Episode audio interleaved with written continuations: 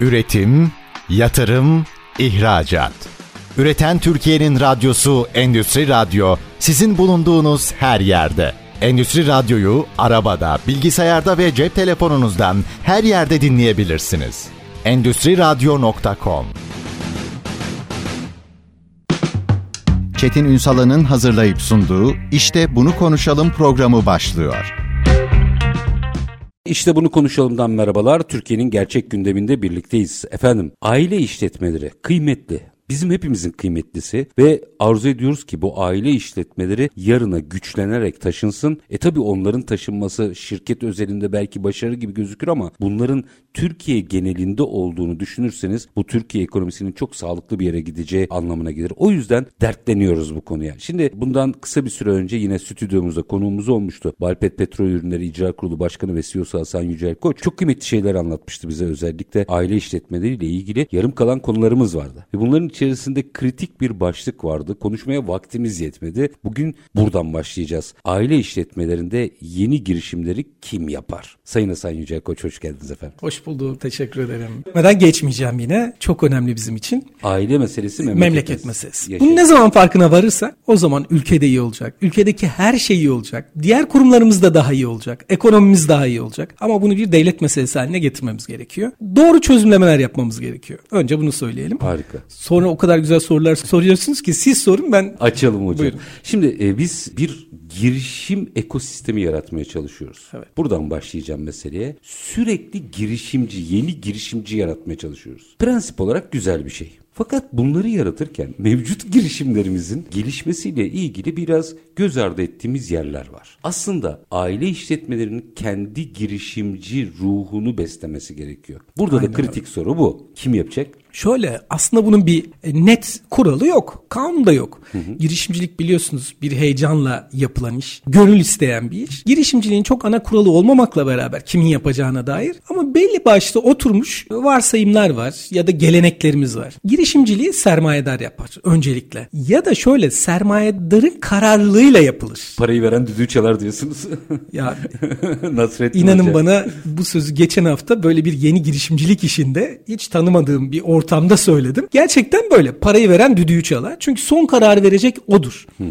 O nedenle sermayedarların bu konuda kararlı olmaları gerekiyor. Ve tabii bilinçli olmaları gerekiyor. Kesinlikle işte oraya geleceğim şimdi. Orası çok önemli. Bizde nasıl yapılıyor? Biz ona bakalım. Hani bizim derdimiz bizim aile şirketlerimiz ya ona bakalım. Bizde fikirler uçuşur, heyecanlar duyulur. O heyecanlarla hadi şunu da yapalım denir, girilir. Ama bunun hiçbir zaman doğru altyapısı çalışılmaz, projelendirilmez. Hiçbir zaman değil mi de çok zaman projelendirilmez. İstisnalar vardır evet, iyi yapanlar. Tabii tabii çok var. Kabalama yapılır genelde. Ama olay şudur. Şunu bilmemiz gerekiyor ve herkesin bunun üzerinde bence iyi düşünmesi gerekiyor. Olay şu. Sermayedar ya da yatırımcı dediğimiz, patron dediğimiz, paranın sahibi dediğimiz kişiler neye endeksidir ya da onları motive eden şey nedir? fırsattır. Bu o kadar önemli ki o fırsat, motive eden fırsat da zaten hep yatırım getiren, girişim getiren şeylerdir. Ama tek başına olduğu zaman çok risklidir. Peki birlikte çalıştığı ekip arkadaşları, profesyoneller, para verip yanında çalıştırdığı insanlar neye motivedir? Risklere motivedir. Tabii. O kadar önemli ki işte bu iki unsurun bir ortak noktada buluşması gerekir. Denge orada çıkar. Evet. Yani şöyle birisi fırsata koşacak, öbürü riskleri görecek ve bir denge kuracaklar. Bu riskleri görenler doğru fizibilite yapacaklar. Önlerine doğru program koyacaklar, plan koyacaklar ve diyecekler ki biraz yavaş ey patron bir dur bak burada bu riskler var diyecekler. O da kızacak. Ta patron da kızacak diyecek ki ama siz bunu görmüyorsunuz diyecek. Bakın burada da bu var. Ve ikisi dengelenecek yavaş yavaş. Eğer doğru denge kurulursa doğru girişimler ortaya çıkacak. Peki doğru denge kurulursayı açacağım. Tabii. Çünkü bence en kritik noktalardan biri o. Ama o fırsat görmeyi de biraz konuşmak gerekiyor. Şu doğru denge diye notumu alayım. Hı hı. Çünkü bu bence çok kritik bir konu. Şimdi üstadım fırsattan ne gördüğünüz önemli. Ahmet Bey ya da Fatma Hanım bu işi yaptı. Ben de yapmalıyım. Evet. Bizdeki genel uygulama. Tabii. Bir dakika herkes bunu yapıyor. Ben neyi farklı yapmalıyım? Bu soruyu niye soramıyoruz? Soramıyoruz. Neden soramıyoruz? Çok kolay. Şimdi önce şunu anlatayım. Sizde vardır çevrenizde biliyorsunuzdur. Koca koca firmaların sahipleri, sahiplerinin çocukları, kendileri de çocukları da, akrabaları da, eşleri, dostları da sermayeleri olduğu için yakın zamanda biliyorsunuz bundan 5-6 ay önce daha ne yaptılar? Herkes araba alıp satmaya, galerici olmaya kalktı. Bakın çok basit örnek. Muhakkak herkesin çevresinde vardır bu insanlar. Tabii ikinci el piyasası hareketli Tabii. Çünkü. Peki şu an ne oldu?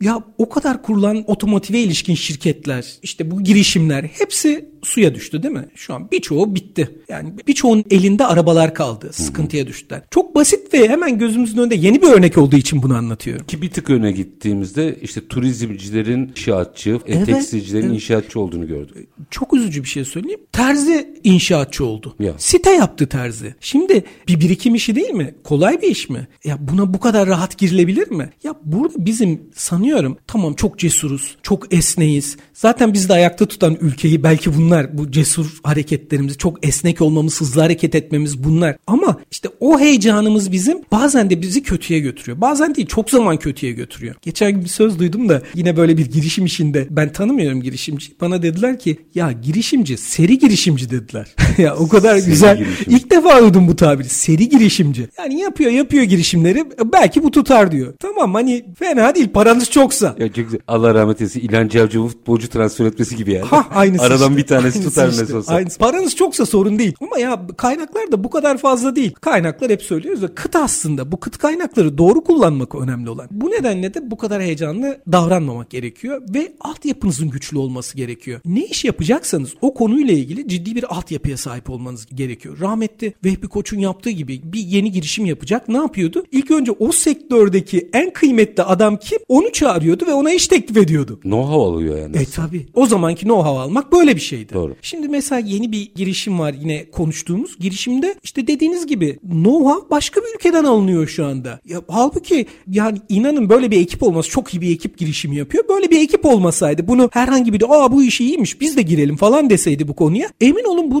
know-how falan böyle bir şey araştırmazdı. Hemen başlar kervan yolda düzülür der devam ederdi. Doğru, doğru, doğru. Yani burada bizim eğitim altyapımız, hayata bakışımız, iş hayatına bakışımız, aile şirketlerimizin yapısı bunların hepsi çok önemli.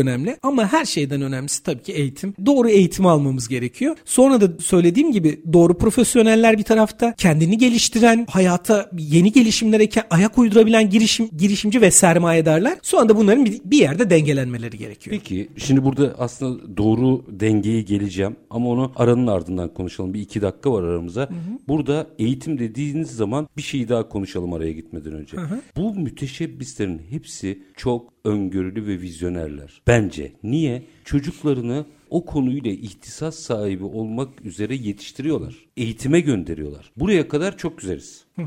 Sorun çocuk döndüğünde başlıyor. Aynen öyle. İki dakikada bunu bir konuşalım. Hemen anlatayım. Şimdi önceki hafta Mersin'de bir İK zirvesi vardı. Çok önemli bir zirve. Ben de zirvede konuşmacıydım. Zirvede konuşma bittikten sonra sorulara geçildi. Birisi bana şunu sordu. Dedi ki eğitimini tamamlayan çocuklar şirkette çalıştırılabilir mi? Net söylediğimi söyleyeyim. Kesinlikle hayır. Bu kadar net. Benim için cevap bu kadar net. Neden? Çünkü önümde o kadar çok örneğim var ki benim. Ya bunun olmadığını gördüm. İstisnalar kaideyi bozar mı? Hayır bozmaz. Ama elimde o kadar güzel, iyi örnekler var ki şöyle gitmiş, okulunu bitirmiş, dışarıda eğitimini almış. Dışarıda derken başka şirketlerde iş hayatı eğitimini Pişmiş almış. yani. Pişmiş. Evet. Sonra şirketine Hatta biraz transfer egosu olmuş. kırılmış. Tabii. Dayak yemiş. Tabii. Sonra kendi şirketine transfer olmuş. Kendi şirketinde en alttan başlamış. Aile ona gerçek profesyonellere nasıl davranıyorsa öyle davranmış. İşte onlar harika oluyorlar, olmuşlar. Ama eğer hiçbir yerde çalışmadan siz getirip o çocuğu işin başına hem de çok iyi bir pozisyona oturtursanız maalesef sonu hüsran. Bakın yine söylüyorum. Kaydılar tabii istisnalar kaydeyi bozmaz. Ama inanın ki bu durum böyle. Sonuç bir felaket. Yani aslında bu eskiden kapalı çarşıda çok uygulanırdı.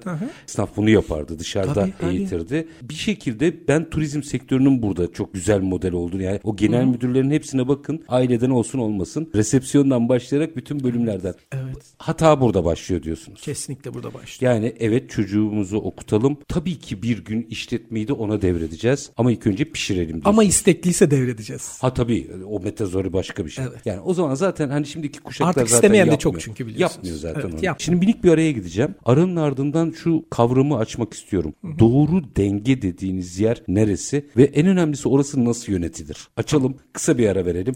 Aranın ardından Balpet Petrol Ürünleri İcra Kurulu Başkanı ve CEO'su Hasan Yücel Koç'tan doğru dengenin tanımını alacağım. Minik bir ara lütfen bizden ayrılmayın. Üretim, yatırım, ihracat. Üreten Türkiye'nin radyosu Endüstri Radyo sizin bulunduğunuz her yerde. Endüstri Radyo'yu arabada, bilgisayarda ve cep telefonunuzdan her yerde dinleyebilirsiniz. Endüstriradyo.com Kısa bir aranın ardından işte bunu konuşalım devam ediyor. Aile işletmelerinde yeni girişimleri kim yapardan başladık ve yürüyoruz. Konuğumuz Balpet Petrol Ürünleri İcra Kurulu Başkanı ve CEO'su Hasan Yücel Koç. Şimdi aslında bu girişimleri tarif ederken nefis bir fotoğraf ortaya koydunuz. Dediniz ki parayı veren müteşebbis heyecanıyla ileriye atmak isterken diğer profesyoneller bir dakika diyerek risklerle dengeler. Doğru dengeyi bulanlar başarır dediniz. O zaman açalım. O doğru dengenin yeri, tanımı, metodolojisi nedir? Aslında çok basit. Sonuçta para kazandıran, verim üreten yer dengenin oluştuğu yer. Şimdi o sonuçlandığında Ee, tamam ama evet. başlangıç Şimdi noktası. nasıl olacak ama nasıl olacak tabii zor. Ama önce şuradan girelim mi? Bu girişim fikirleri kimlerden geliyor? Bu çoğunlukla patrondan gelmez girişim fikirleri. Patron birinden alır onu, birinden duyar. Patrona birisi getirir. Bu da şöyle oluyor. Paranız varsa, sermayeniz varsa sürekli size birileri yeni girişim getirir. Ya burada çok iyi para var. Gelin şunu yapalım. Ben de ortak olayım ya da bakın işte ben de bu işi yapalım size yardımcı olayım, çalışalım gibi. Böyle gelir. Ya da kimden gelir? Çocuklardan gelir. Yani sonraki kuşaklardan gelir. Kimden gelir? Yine profesyonellerden gelir, çalışanlardan gelir. Yani çok çeşitli yerlerden gelir. Bir kere algıyı açık tutmak lazım. Tabii. Ve çok fazla özellikle kriz dönemlerinde çok fazla girişim gelir işletmelere, patronlara. Patronlar bunu alır. Buradan bir heyecan duyarlarsa hadi bunu yapalım diye varsa yönetim kurulları yönetim kurullarına getirirler. Yönetim kurullarında konu eğer patron demokratik bir patronsa Kabul edenler etmeyenler edilmiştir. Evet yani bu tartışmaya açılır. Tartışmaya açıldığında eğer doğru profesyoneller varsa, patron doğru bakıyorsa hayata, söylediğimiz gibi eğitim doğruysa orada bu doğru bir mecraya doğru akmaya başlar ve karar verilir. Yapalım yapmayalım diye. Sonrasında da fizibilite bu işle ilgili bir tabii ki fizibilite çıkartılması lazım. Fizibilite aşamasına geçilir. Fizibilite çıkartılır. Tekrar tartışmaya gelir. Fizibilitede şu görülür. Bu işin geri dönüşümü ne? Ne kadar sürede yatırdığımız yatırım ne kadar sürede geri dönecek? Ve ne kadar sürdürülebilir? Tabii ne kadar sürdürebilir? Ve bunun her sektör için ayrı bir süresi var biliyorsunuz. Bazı sektörlerde geneli konuşalım 2 yıl diyelim bir yatırımın efektif bir yatırımın geri dönüşümü için 2 yıl deriz. Ama bazı sektörlerde bu daha farklıdır. Bazılarında daha uzundur bazılarında daha kısadır. Buna bakılır. Eğer burada e, matematik oturuyorsa artık patronun kararına kalır. Patron der ki tabii SWOT analizinden sonra artılar eksiler ortaya konduktan sonra e, yapalım veya yapmayalım kararını en son yine patron verir. Yine burada çok iyi profesyonellere ihtiyaç var. Doğru hesaba, doğru kitaba, doğru analize, doğru pazar anal- analizine bunlara ihtiyaç var. Eğer rekabet edebileceğinize inanıyorsanız, bunu da görüyorsanız o girişime girilir. Ama benim tavsiyem ne burada? Yine efektif ve doğru olması için ya mümkünse çok yabancı olmadığınız sektörlerde girişime girmek. İlintili. Girişim tabii tabii ilintili olması lazım. Aşina olmanız lazım. Çok iyi algılayabileceğiniz, sizin diğer işlerinize yardımcı olabilecek ol- bir yeni yatırım olması lazım. Yeni girişim olması lazım. Çünkü inanın bana artık her girişim zor. Her girişim biliyorsunuz rekabet açık. Hemen pat diye 2-3 girişim örneği verebilir miyiz mesela? Aa Lütfen. bunda hiç rekabet yok. Hemen buraya girelim Ha. diyebileceğiniz girişim kolay kolay var mı? Ee, yeni bir sektör çıkmış olması lazım. Değil mi? Yani çok zor. Rekabet artık inanılmaz boyutlarda her alanda. Çünkü artık yapmak eskisi gibi zor değil. Artık çok daha kolay. Sermayeye ulaşım artık çok daha kolay. Eskisi gibi değil. Doğru Ama- bir fizibiliteniz varsa. Evet. O nedenle de burada dengeyi profesyonellerin gücüyle, bilgi birikimiyle ha gerekiyorsa eğer profesyonelleriniz buna yeterli değilse mutlaka ve mutlaka danışmanlık alarak, doğru danışmanlık alarak ki artık çok var biliyorsunuz. Tabii. Doğru danışmanlıkla bu işin olabilirliğini, sürdürülebilirliğini test etmeniz, görmeniz gerekiyor. Masanın üzerine yatırmanız gerekiyor. Sonra karar vermeniz gerekiyor. Çok iyi bildiğiniz bir yer değilse de Vehbi Koç modelini uygulayacaksınız. Evet. Yeni Onu hiç bilmediğiniz bir yere giriyorsanız evet muhakkak ya çok iyi transferler yapacaksınız. O işi en iyi bileni getireceksiniz. işin başına öyle gireceksiniz. Yani dayak yiyerek bir işi öğrenmek anlamsız Zaman bir ve şey. para kaybı. Tecrübe transferi diyoruz buna. Muhakkak doğru tecrübeyi transfer edeceksiniz. Gerek yok. Şimdi doğru başladık. Yani doğru dengeledik ve başladık. Şimdi o doğru dengenin getirisini alabilmek yolunda hayata dair en azından benim şahitliğim ölçüsünde bir şey paylaşayım. Siz orayı açın ne olur. Genellikle herkesin heyecanla ve uzlaşıyla başladığı sonra nedense aslında fizibilitede diyelim ki iki yıldan önce bir geri getirisi olmayacak bir işte bir 7. 8. aydan sonra bir kıpırdanma başlıyor. Bir dakika biz iki yıl konuştuk. Baskı başlıyor. Hatta bazı şirketlerde mobbinge kadar gittiğini gördüm bunun. Sonra personel gidiyor. Harcanan para gidiyor. belki de güzelim girişim heba oluyor. Şimdi tam bu süreçlerde 7. 8. aylar bu para harcanmış harcanmış harcanmış artık getirisi yetirir. 2 sene dedik çünkü. Orada o müteşebbisin bu süreci hatta kendini nasıl yönetmesi gerekir? Evet zaten çoğunlukla sorun parayı koyan da çıkıyor. Parayı koyan ya çok parası var böyle bir girişime giriyor, sıkılıyor, bıkıyor ya da ufuk görmüyor bu işte. Bir anda işte motivasyonu kayboluyor. Diyor ki ben oynamıyorum diyor. Benim tabirim bu. Hep bunu söylüyorum yeni girişimlerde. Diyorum ki patron oynamıyorum diyebilir. Bu çok riskli bir durum. Bunun için şöyle yapılması gerekiyor. Hep yeni girişimlerde onu anlatıyorum. Bu işin yazılı hale getirilmesi gerekiyor. Hmm. Kuralların doğru konması gerekiyor. Bütçenin önden bu işe konması gerekiyor. O bütçe hangi süreçte nasıl harcanacak onun tespitinin yap- yapılması ve arkasında durulacağına dair herkes tarafından kararlılık sergilenmesi Olası gerekiyor. sapmalar da içine koyarak. Tabii ki. O zaten biliyorsunuz yatırım sürecinde muhakkak revizyonlar yapılır. Ufak tefek revizyonlar. Ama çok büyük sapmalar da yatırımın zaten yanlış Yani yapıldığının en azından yeni bir toplantı göstergesi. konusudur o. Evet evet yani doğru yapılmamış demektir fizibilite. Ama sapmalar muhakkak olur illaki olur. E, sapmalar da göz önüne alınır ama iki yıl mı dendi bu iş için yapılması için ya da altı ay mı dendi? Bu süre içerisinde herkes kararlı olmalı ama en çok müteşebbis kararlı olmalı. Ve bu para gidecekse de gidecek demeli. Özellikle bu işe emek verenlerin motivasyonunu kırmamalı. İşte dediğiniz ya mobbinge dönen durumlar var. İnanın ki var. Bir de şu var düşünsenize bir ekip oluşuyor. Ekip buna çalışmaya başlıyor. Ekibin kaybedecek çok şeyi var. Bazen parayı yatıranın parasından başka kaybedecek bir şey olmuyor. Ama aslında orada bazı durumlarda çok kıymetli olan şey Ekibin kredibilitesi var. Evet paradan paradan daha farklı şeyler. Tabii. Düşünsenize çalışanların, ekibin, o işe gönül verenlerin motivasyonunun kırılmasını. Onlar çok daha fazla şeyler. Belki işlerini bırakıp geliyorlar o proje için. E, ve bir anda ortada kalabiliyorlar. Ya o nedenle çalışanlar da ya profesyoneller de patron da kararlılığını ortaya koyup o süre neyse öngörülen süre o süre içerisinde bazı şeyleri biraz sineye çekmek gerekiyor. Bazı şeyleri görmemek gerekiyor. Revizyonlar yapılacaksa revizyonlarda bunları o toplantı sürecinde konuşmak gerekiyor. Onun dışında sonuna kadar gönüllerini koyup işe kararlılıklarını koyup devam etmeleri Bir de gerekiyor. Bizde bu olmuyor. Daha daha küsmüş dağın haberi olmaz oynamamak gerekiyor. Evet. Açık. Evet. Her şeyin konuşulması lazım. Bir de ne var biliyor musunuz? Bizde tabii veri konuşulmuyor. Bizde rakam konuşulmuyor. Bizde hep duygusal konular konuşuyor ama Avrupa'da bir proje, bir girişim yapıyorsanız orada bir- siz böyle duygusal işlere girdiğiniz zaman karşınızdaki size diyor ki lütfen veri konuşalım. Yani kabul etmiyor ama bizde öyle değil. Bizde veri çok sonraki planda. Tabii tabii. Evet, o nedenle de duygusal işler girince işin Bir süre içerisine sonra sen bana bunu dedin. Evet, Ben sana demotivasyon bunu başlıyor. iş konuşması hale tabii geldi. tabii demotivasyon başlıyor. Burada bir açılım daha yapmanızı rica edeceğim. Şimdi girişimler, yeni girişimler, mevcut bir şirket var, aile işletmesi ve yeni bir girişim yapacak. Türkiye'de şu anda çok büyük bir fırsat var. Burayı sizin biraz analiz etmenizi rica edeceğim. Bir startup cennetiyiz biz. Evet. Müthiş gençler var. örnekler Teknoparklarda var. müthişler. Şimdi yeni bir işe girerken bizim aile işletmelerimiz hep yeni fikirler arıyorlar ama startupları incelemiyorlar. Evet.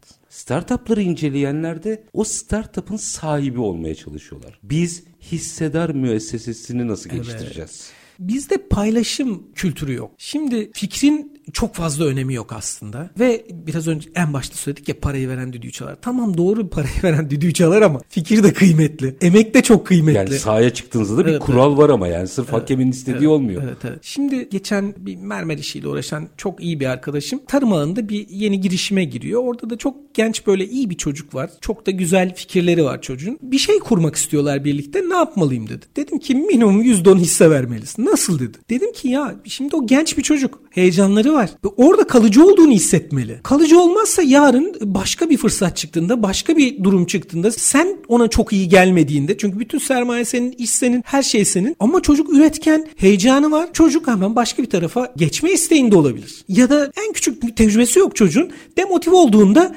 küsebilir. Ama sen onu bir şeyle bağlarsan ya paylaşmayı yapabilirsen, doğru paylaşımı sağlayabilirsen çocuk demotive olmaz. Gitmekte tereddüt eder. işi bırakmakta tereddüt eder. Düşündü dedi ki ya ben böyle hiç düşünmemiştim ama dedi. Bence söylediğin doğru. Ben kendimi onun yerine koydum dedi. Birisi bana bunu yapsa ben mutlu olurdum. Tabii tabii.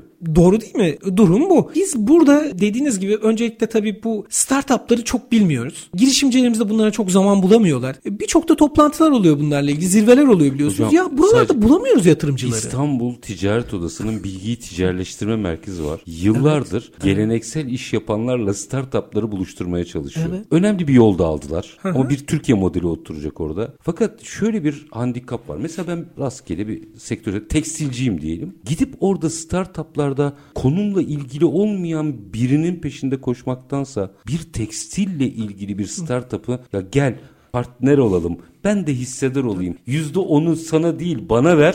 Birlikte bunun modeli bir türlü oturtamadık. paylaşma kültürümüz yok. Bu kadar basit. Pandemiden hemen önce bir toplantıdaydım böyle. Ya soruldu orada hani yatırımcı patron kaç kişi var, ne kadar insan var diye. İnanın bana çoğu profesyoneldi. Çok az yatırımcı vardı. Çok az patron var toplantıda. Belki yanlış anlatılmış olabilir ama çok patronlarımızın bu işe de ilgisi yok. Bence patronlar günün rutininden çıkıp biraz bu işlerde zaman harcamaları gerekiyor artık. Çünkü çocuklar muhteşem. O kadar güzel yatırım fırsatları var ki ama kendilerini ifade edemiyorlar, anlatamıyorlar. Çünkü tecrübeleri yok. Kendilerini ifade edebilecekleri çok fazla mecra yok. Doğru mecra yok. çok Doğru, az mecra doğru, var. doğru, doğru, doğru. Ya buralarda olmaları gerekiyor. Mesela şimdi yakın bir vakitte bilmiyorum takip ediyor musunuz? İnovasyon haftası var.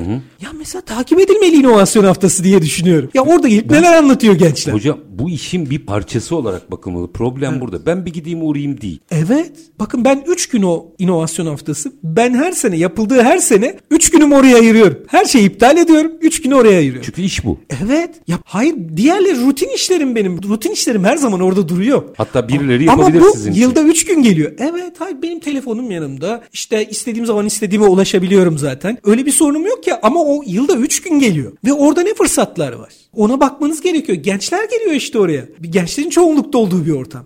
Yani aslında Bunları hazır girişimci gerekiyor. geliyor. Tabii. Ahmet ne dedi, Fatma ne dedi diye bakmaktansa Evet, evet. oradaki Ayşe kızımız ne yapmış benim sektörümle ilgili baktığınızda aslında girişimler böyle büyümez mi? Kesinlikle böyle büyür. Bir de şöyle bakmalı tabii insanlar. Ya işte şimdiye kadar 20 tane 30 tane böyle projeye baktım, uğraştım. İşte sonuç çıkmıyor. Çoğu çok basit kalıyor. Ya öyle değil olay. 50 tane proje yaparsınız. Bir tanesi tutar zaten. Her yaptığınız proje tutacak diye bir şey yok. Ama o proje tutar ve muhteşem bir şey olur. Ve siz belki de bir kobi niteliğinde aile işletmesiyken birdenbire kendinizi büyük işletmeler sınıfında bulabilirsiniz. Kesinlikle öyle. Minik bir araya gideceğim. Aranın ardından bir model var. Siz çok anlatıyorsunuz. O modeli biraz açmanızı rica edeceğim. Çünkü hepsinin de aslında temelinde bu var. Başarı farkındalık modeli.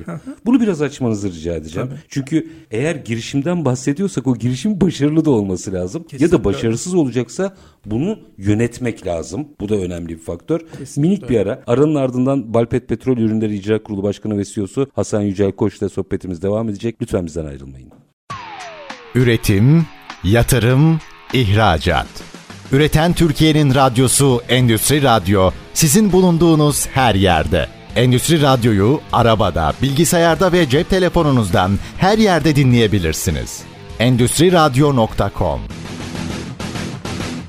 Kısa bir aranın ardından işte bunu konuşalım demeye devam ediyoruz. Biz arada da sohbete devam ettiğimiz için biraz heyecanlı bir biçimde girdim. Balpet Petrol Ürünleri İcra Kurulu Başkanı ve CEO'su Hasan Yücel Koç bizlerle birlikte. Üstadım şimdi aile işletmelerinde yeni girişimleri kim yapar diye yola çıktık. Aslında aşama aşama bir yere geldik. Bence doğru denge vurgusunda da tanımınız da çok iyiydi. Şimdi burayı biraz açalım mı? Başarı farkındalık modelini anlatıyorsunuz. Onu dinleyicilerimizle de buluşturmanızı rica edeceğim. Ama bir farklılıkla. Başarı farkındalık modelinin nasıl sonuç alınabileceğini bunu konuşalım. Artı hayatta her şey var. Başarısızlığa doğru uğrayabilirsiniz. Başarısızlığı da bu modelle nasıl yönetebileceğini de ekleyin ne olur. Çetin Bey bu modeli aslında ben bir görev gibi addediyorum kendime. Bunu anlatmayı anlatmaktan da çok keyif alıyorum ama üzülerek bir şey söyleyeceğim. Bu model 7 günde anlatılan bir model. Çok iyiymiş. Evet, ve Biz bunu- bir 15 dakikaya sığdıracağız galiba. Bunu şöyle e, şirketlerde üst düzey yöneticilere ve sermayedarlara anlatıyoruz. Katılmak isteyen sermayedarlara. Aslında çok zor bir model değil ama çok detaylı bir model. Çok ince ince önce anlattığımız bir model. Biraz o anlamda zor aslında. Herkesin anlayabileceği bir model. Zaten modellerin özelliği öyle. Öyle olmalı. Ya herkesin anlayabileceği şekilde olmalı ki işe yarasın. Ya burada şöyle biz biraz ülke olarak iş hayatımızda şöyleyiz. Hayatı gelişine yaşıyoruz. Mesela işte bizim futbol takımlarımızda top gelir havadan. Gelişine Biz vurur. gelişine atarız. Ne sahamızdaki rakibe bakarız. Ne kaleciyi doğru hesaplarız. Ne topun hızını düşünürüz. Ne topun nereye düşeceğini düşünürüz. Ama işte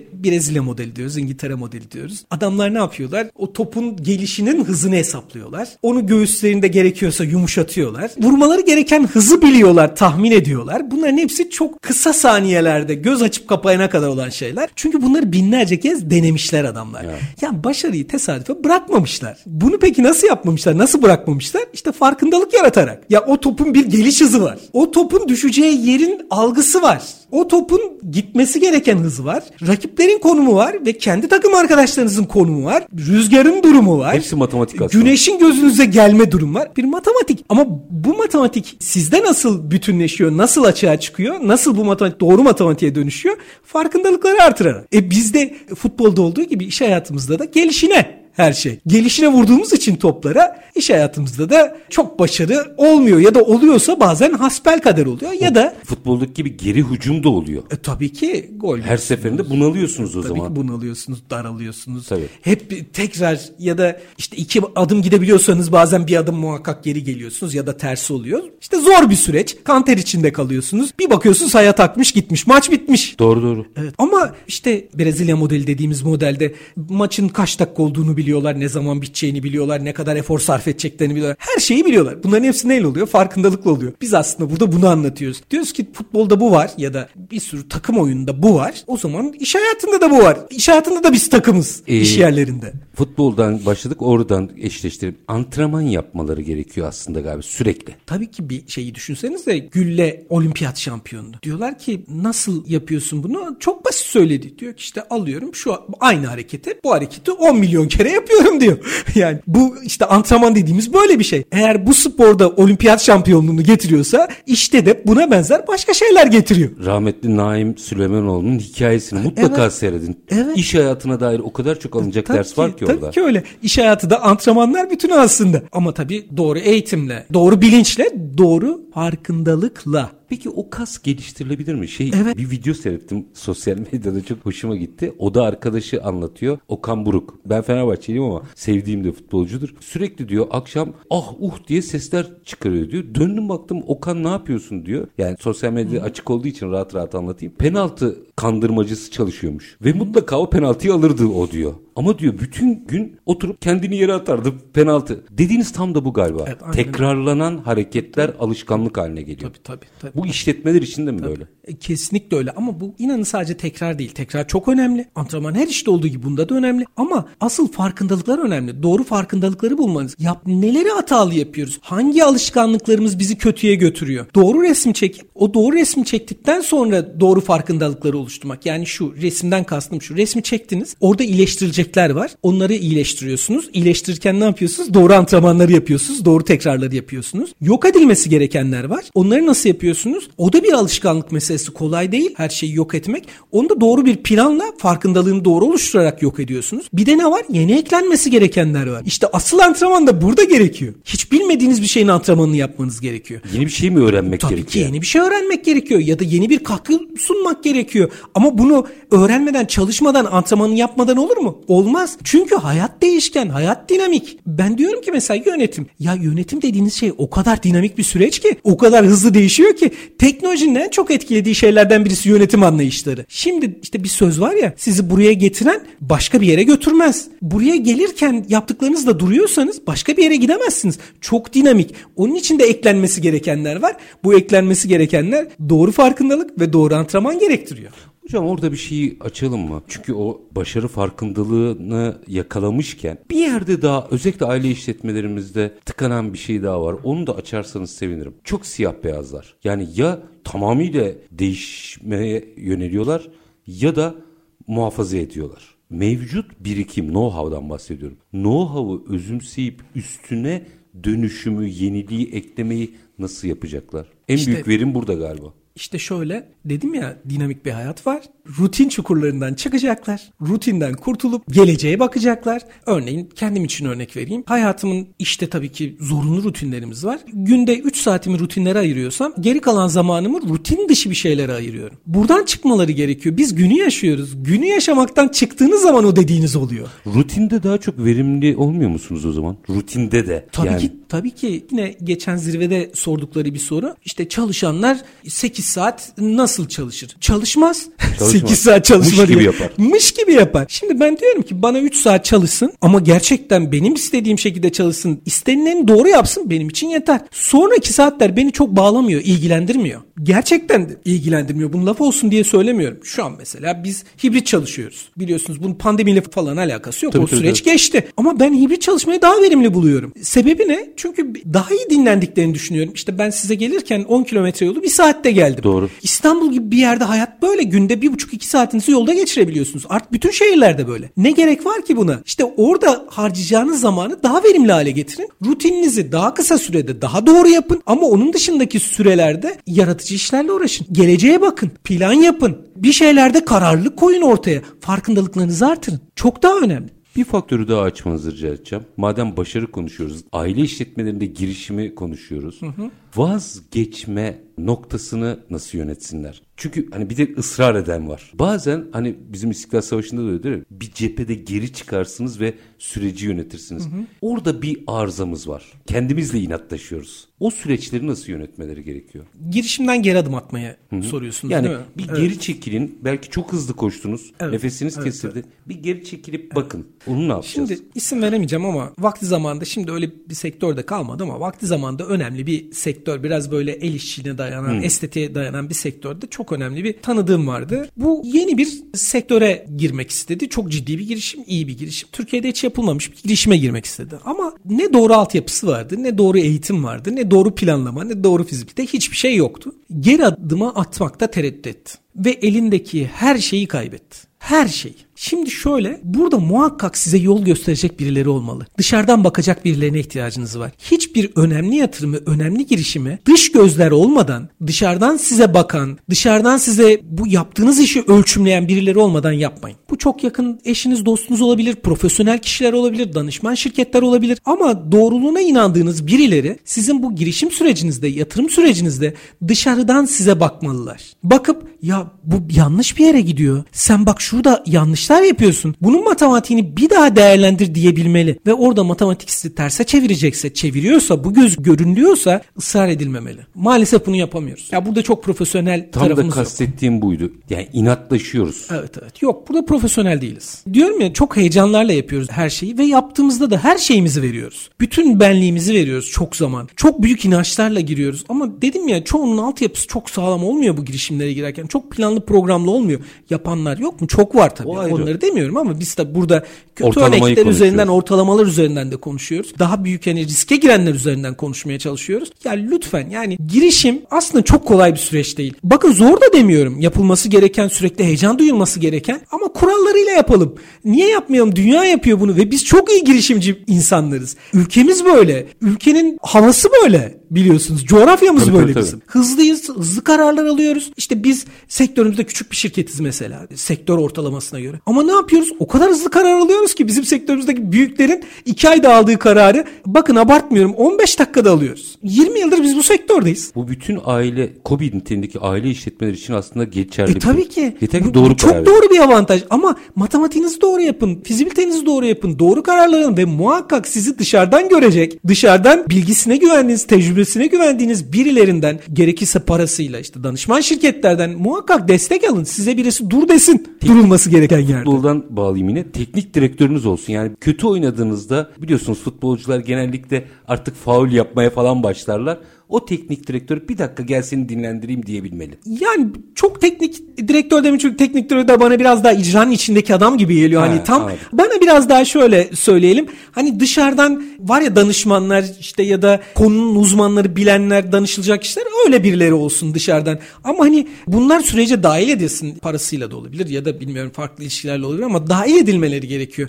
Ya birinin kötü polisi oynaması lazım. Birinin işler kötü gittiğinde dur demesi lazım. Çok eski bir gençken müdürüm vardı. Şöyle demişti bir gün bana. Sen bizim sağduyumuz ol. Aa, bir projede. güzel. O kadar güzel ki sen dedik girme tamam karışma. Ben çok muhalefet ediyordum konulara. Bana dedi ki sen bizim sağduyumuz ol. Hiç unutmuyorum. O kadar önemli ki çünkü birisinin eleştirmesi gerekiyor. Eleştiren birilerine ihtiyaç var ama nasıl mantık çerçevesinde, matematik çerçevesinde. Gerçekten öyle birçok da proje yaptık o dönem. Eleştiri önemli ve güzeldir. Yapıcı eleştiri. Yok önemli ve güzeldir. Yani biz o hani karalamak başka bir şey ama eleştiren her zaman için avantaj getirir dinleyene. Şimdi iki dakikam var. İki dakikada da şunu konuşalım. Nasıl geçti? Ben Nasıl geçti ben de anlamadım abi. Aile işletmelerinden başladık. Aile işletmeleri üst başlığı ile ilgili bir şey sormak istiyorum. Aile işletmelerini sağlıklı nasıl konumlandırırız? Niye soruyorum bu soruyu? Ya ya ben aile işletmesiyim deyip böyle bir mütevazılığa bürünüyorlar ya da biz aile işletmesiyiz deyip kutsiyete çeviriyorlar. Bu işin bir normali yok mu? Dünya bu işi nasıl yapıyor? Olmaz olur mu? Bizde de çok güzel örnekleri var. Harika örnekleri var. Burada işte o profesyonel dengeyi kurmak çok önemli. Bir çok iyi hatırlıyorum da çok iyi bir iş adamı, çok yakın tanıdığım bir iş adamı. Bir gün oturup benim yanımda gözleri dolmuştu, duygulanmıştı. Şöyle demişti. işte çok iyi üniversitelerden insanlar çalışıyor yanında. Ya demişti ben bunu nasıl hayal edebilirim? Böyle bir şeyi hayal etmemiştim. Şimdi yanımda çalışan insanlara bakar mısın? Benimle beraber kimler çalışıyor? Ya bundan çok büyük bir keyif almıştı. İşte bu keyfi yaşayabilmek gerekiyor diye düşünüyorum. Bir de çok güzel bir şey söylediniz ya yine çok iyi bir örneğim var. Bir aile şirketi biliyorum. Çok iyi bir aile şirketi. Ciddi anlamda ihracat yapan bir aile şirketi. Ama o kadar kendi habitatında yaşıyor ki, o kadar kendi kabuğunun içerisinde yaşıyor ki. Dünyanın en önemli şirketlerinden birisine parça verebilen bir şirket bu şirket. Ama aile şöyle bakıyor. Ya biz daha dün tezgahta çalışıyorduk. İşte bugün onlara mal veriyoruz. Yüzde işte 80'lerin üzerinde ihracat yapıyoruz. Ya ama biz mi işte ne olduğumuzu biz biliyoruz yani belliyiz ya. Kendisini o kadar küçük görüyordu ki Kısıtlıyor. kısıtlıyordu ki. Ya bu şöyle tabii farklı kültürleri içeriye sokmak gerekiyor. Biz çok bunu yapamıyoruz. Farklı kültürlerde nasıl? Diyelim ki başka şirketlerde, rakip şirketlerde ya da hiç ilgisi olmayan şirketlerde çalışmış başka profesyonelleri ya da kendi çocuklarınızı başka şirketlerde çalıştırıp şirkete sokmak. Şirketteki şirket kültürünü yenilemek, güzelleştirmek, bir doğru bir zemine oturtmak gerekiyor. Şirket kültürü doğru yere oturursa sizin gözleriniz de açılır, ufkunuz da açılır, yatırımlara bakışınız da açılır. Kendinizi başkalarının gözüyle görebilme imkanlarınız olur. Çünkü başka yerlerden gelen, başka kültürlerin içinden gelenler sizi daha rahat eleştirirler. Sizin hatalarınızı daha rahat görmenizi sağlarlar. O nedenle dışarıdan gelecek katkılara kucak açmanız gerekiyor. Bunları yaparsanız şirket daha iyi bir hale gelir. En başından beri aslında matematikten bahsediyorsunuz. Bugünün en önemli gündemlerinden biri finansa ulaşımla ilgili sıkıntı. Bununla bitireyim o zaman. Matematiğini doğru yapan şirketler finansa ulaşabiliyor değil mi? Ya ulaşabiliyor ama şu an biliyorsunuz çok farklı Ha, şu- kısıtlamaları şu- şu var anda ya. konjonktür, başka bir şey. Genel ortalamayı Ama soruyorum. onlar da ben şöyle düşünüyorum. Mesela çok kısa sürelerden geçtiğimiz kısa yine kısa dönemde yaşadığımız o kısıtlamalar da göreceksiniz yavaş yavaş kalkacak. Bankaların bazı sınırlamaları falan var. Onlar da düzelecek diye düşünüyorum. Şimdi siz hikayenizi doğru anlatabiliyorsanız, inandırabiliyorsanız birilerini, birileri size kredi verir. Neden verir kredi? Çünkü adamın işi kredi vermektir. Parayı oradan kazanıyor adam. Niye vermesin? Siz kazanın ki o da Tabii ki. alsın. Niye? Eğer sizin kazanacağınıza inanırsa verir. Böyle de çok güzel bir örneğim var benim. Hiç elinde bir kuruş parası olmayan ama çok güzel bir planlaması olan, elinde çok güzel bir hikayesi olan birisinin kredi aldığını gördüm. Ben o zamana kadar inanmıyordum böyle bir şey olacağını. Ama gördüm. Aldı krediyi. Demek ki Ben önce, vermezdim. O aldı. demek ki önce işinize inanıp matematiğinizi doğru yapmanız Kesinlikle gerekiyor. öyle. Matematiği de inandırmanız gerekiyor karşınızdakileri. Yoksa konjonktür olarak şu anda zorlanıldığını biliyorum. Ama geçecek. Yani her Değişecek. zaman olabiliyor ama matematiği sağlam olanlar böyle bir dönemde de nakit akışlarını doğru yönettikleri için yine kazançlı çıkıyorlar. Kesinlikle. Yıl sonuna doğru bazı kısıtlamaların kalktığını göreceksiniz. Kimse şu an birçok kişi beklemiyor ama göreceksiniz. Bazı kısıtlamalar kalkacak. Daha rahat olacak diye düşünüyorum krediye ulaşmak. Ha maliyeti yüksek olacak o ayrı. Ha ayrı. Ama- o zaman da işte yine matematikleri Evet. bu krediyi kullanmalı mıyım, kullanmamalı mıyım? O karar da önemli. Kesinlikle öyle. Balpet Petrol Ürünleri İcra Kurulu Başkanı ve CEO'su Sayın Hasan Yücel Koç. Çok teşekkür ederim. Çok ben size çok yine. teşekkür ederim. Sağ olun. Var Vallahi olun. öyle. Ben nasıl geçti zaman yine anlamadım. Harikasınız. Sayenizde. Sağ olun. Estağfurullah. Efendim biz bugün aile işletmelerinde yeni girişimleri kim yapar diye sorarak başladık. Oradan doğru dengeye doğru devam ettik. Başarı farkındalık modelinin böyle bir minik ucundan konuşma şansımız oldu. Ama günün sonunda aslında planladığınız, ettiğiniz, süreçlerini bildiğiniz ve neyi niye yaptığınıza kanaatiyle hareket ettiğiniz her işin bir şekilde sonuç aldığını görüyorsunuz. Biz o yol haritasında böyle örneklerle Sayın Hasan Yücel Koç'la sizin için konuştuk. Her zamanki bitirelim. İşinizi konuşun, işinizle konuşun. Sonra gelin işte bunu konuşalım. Hoşçakalın efendim.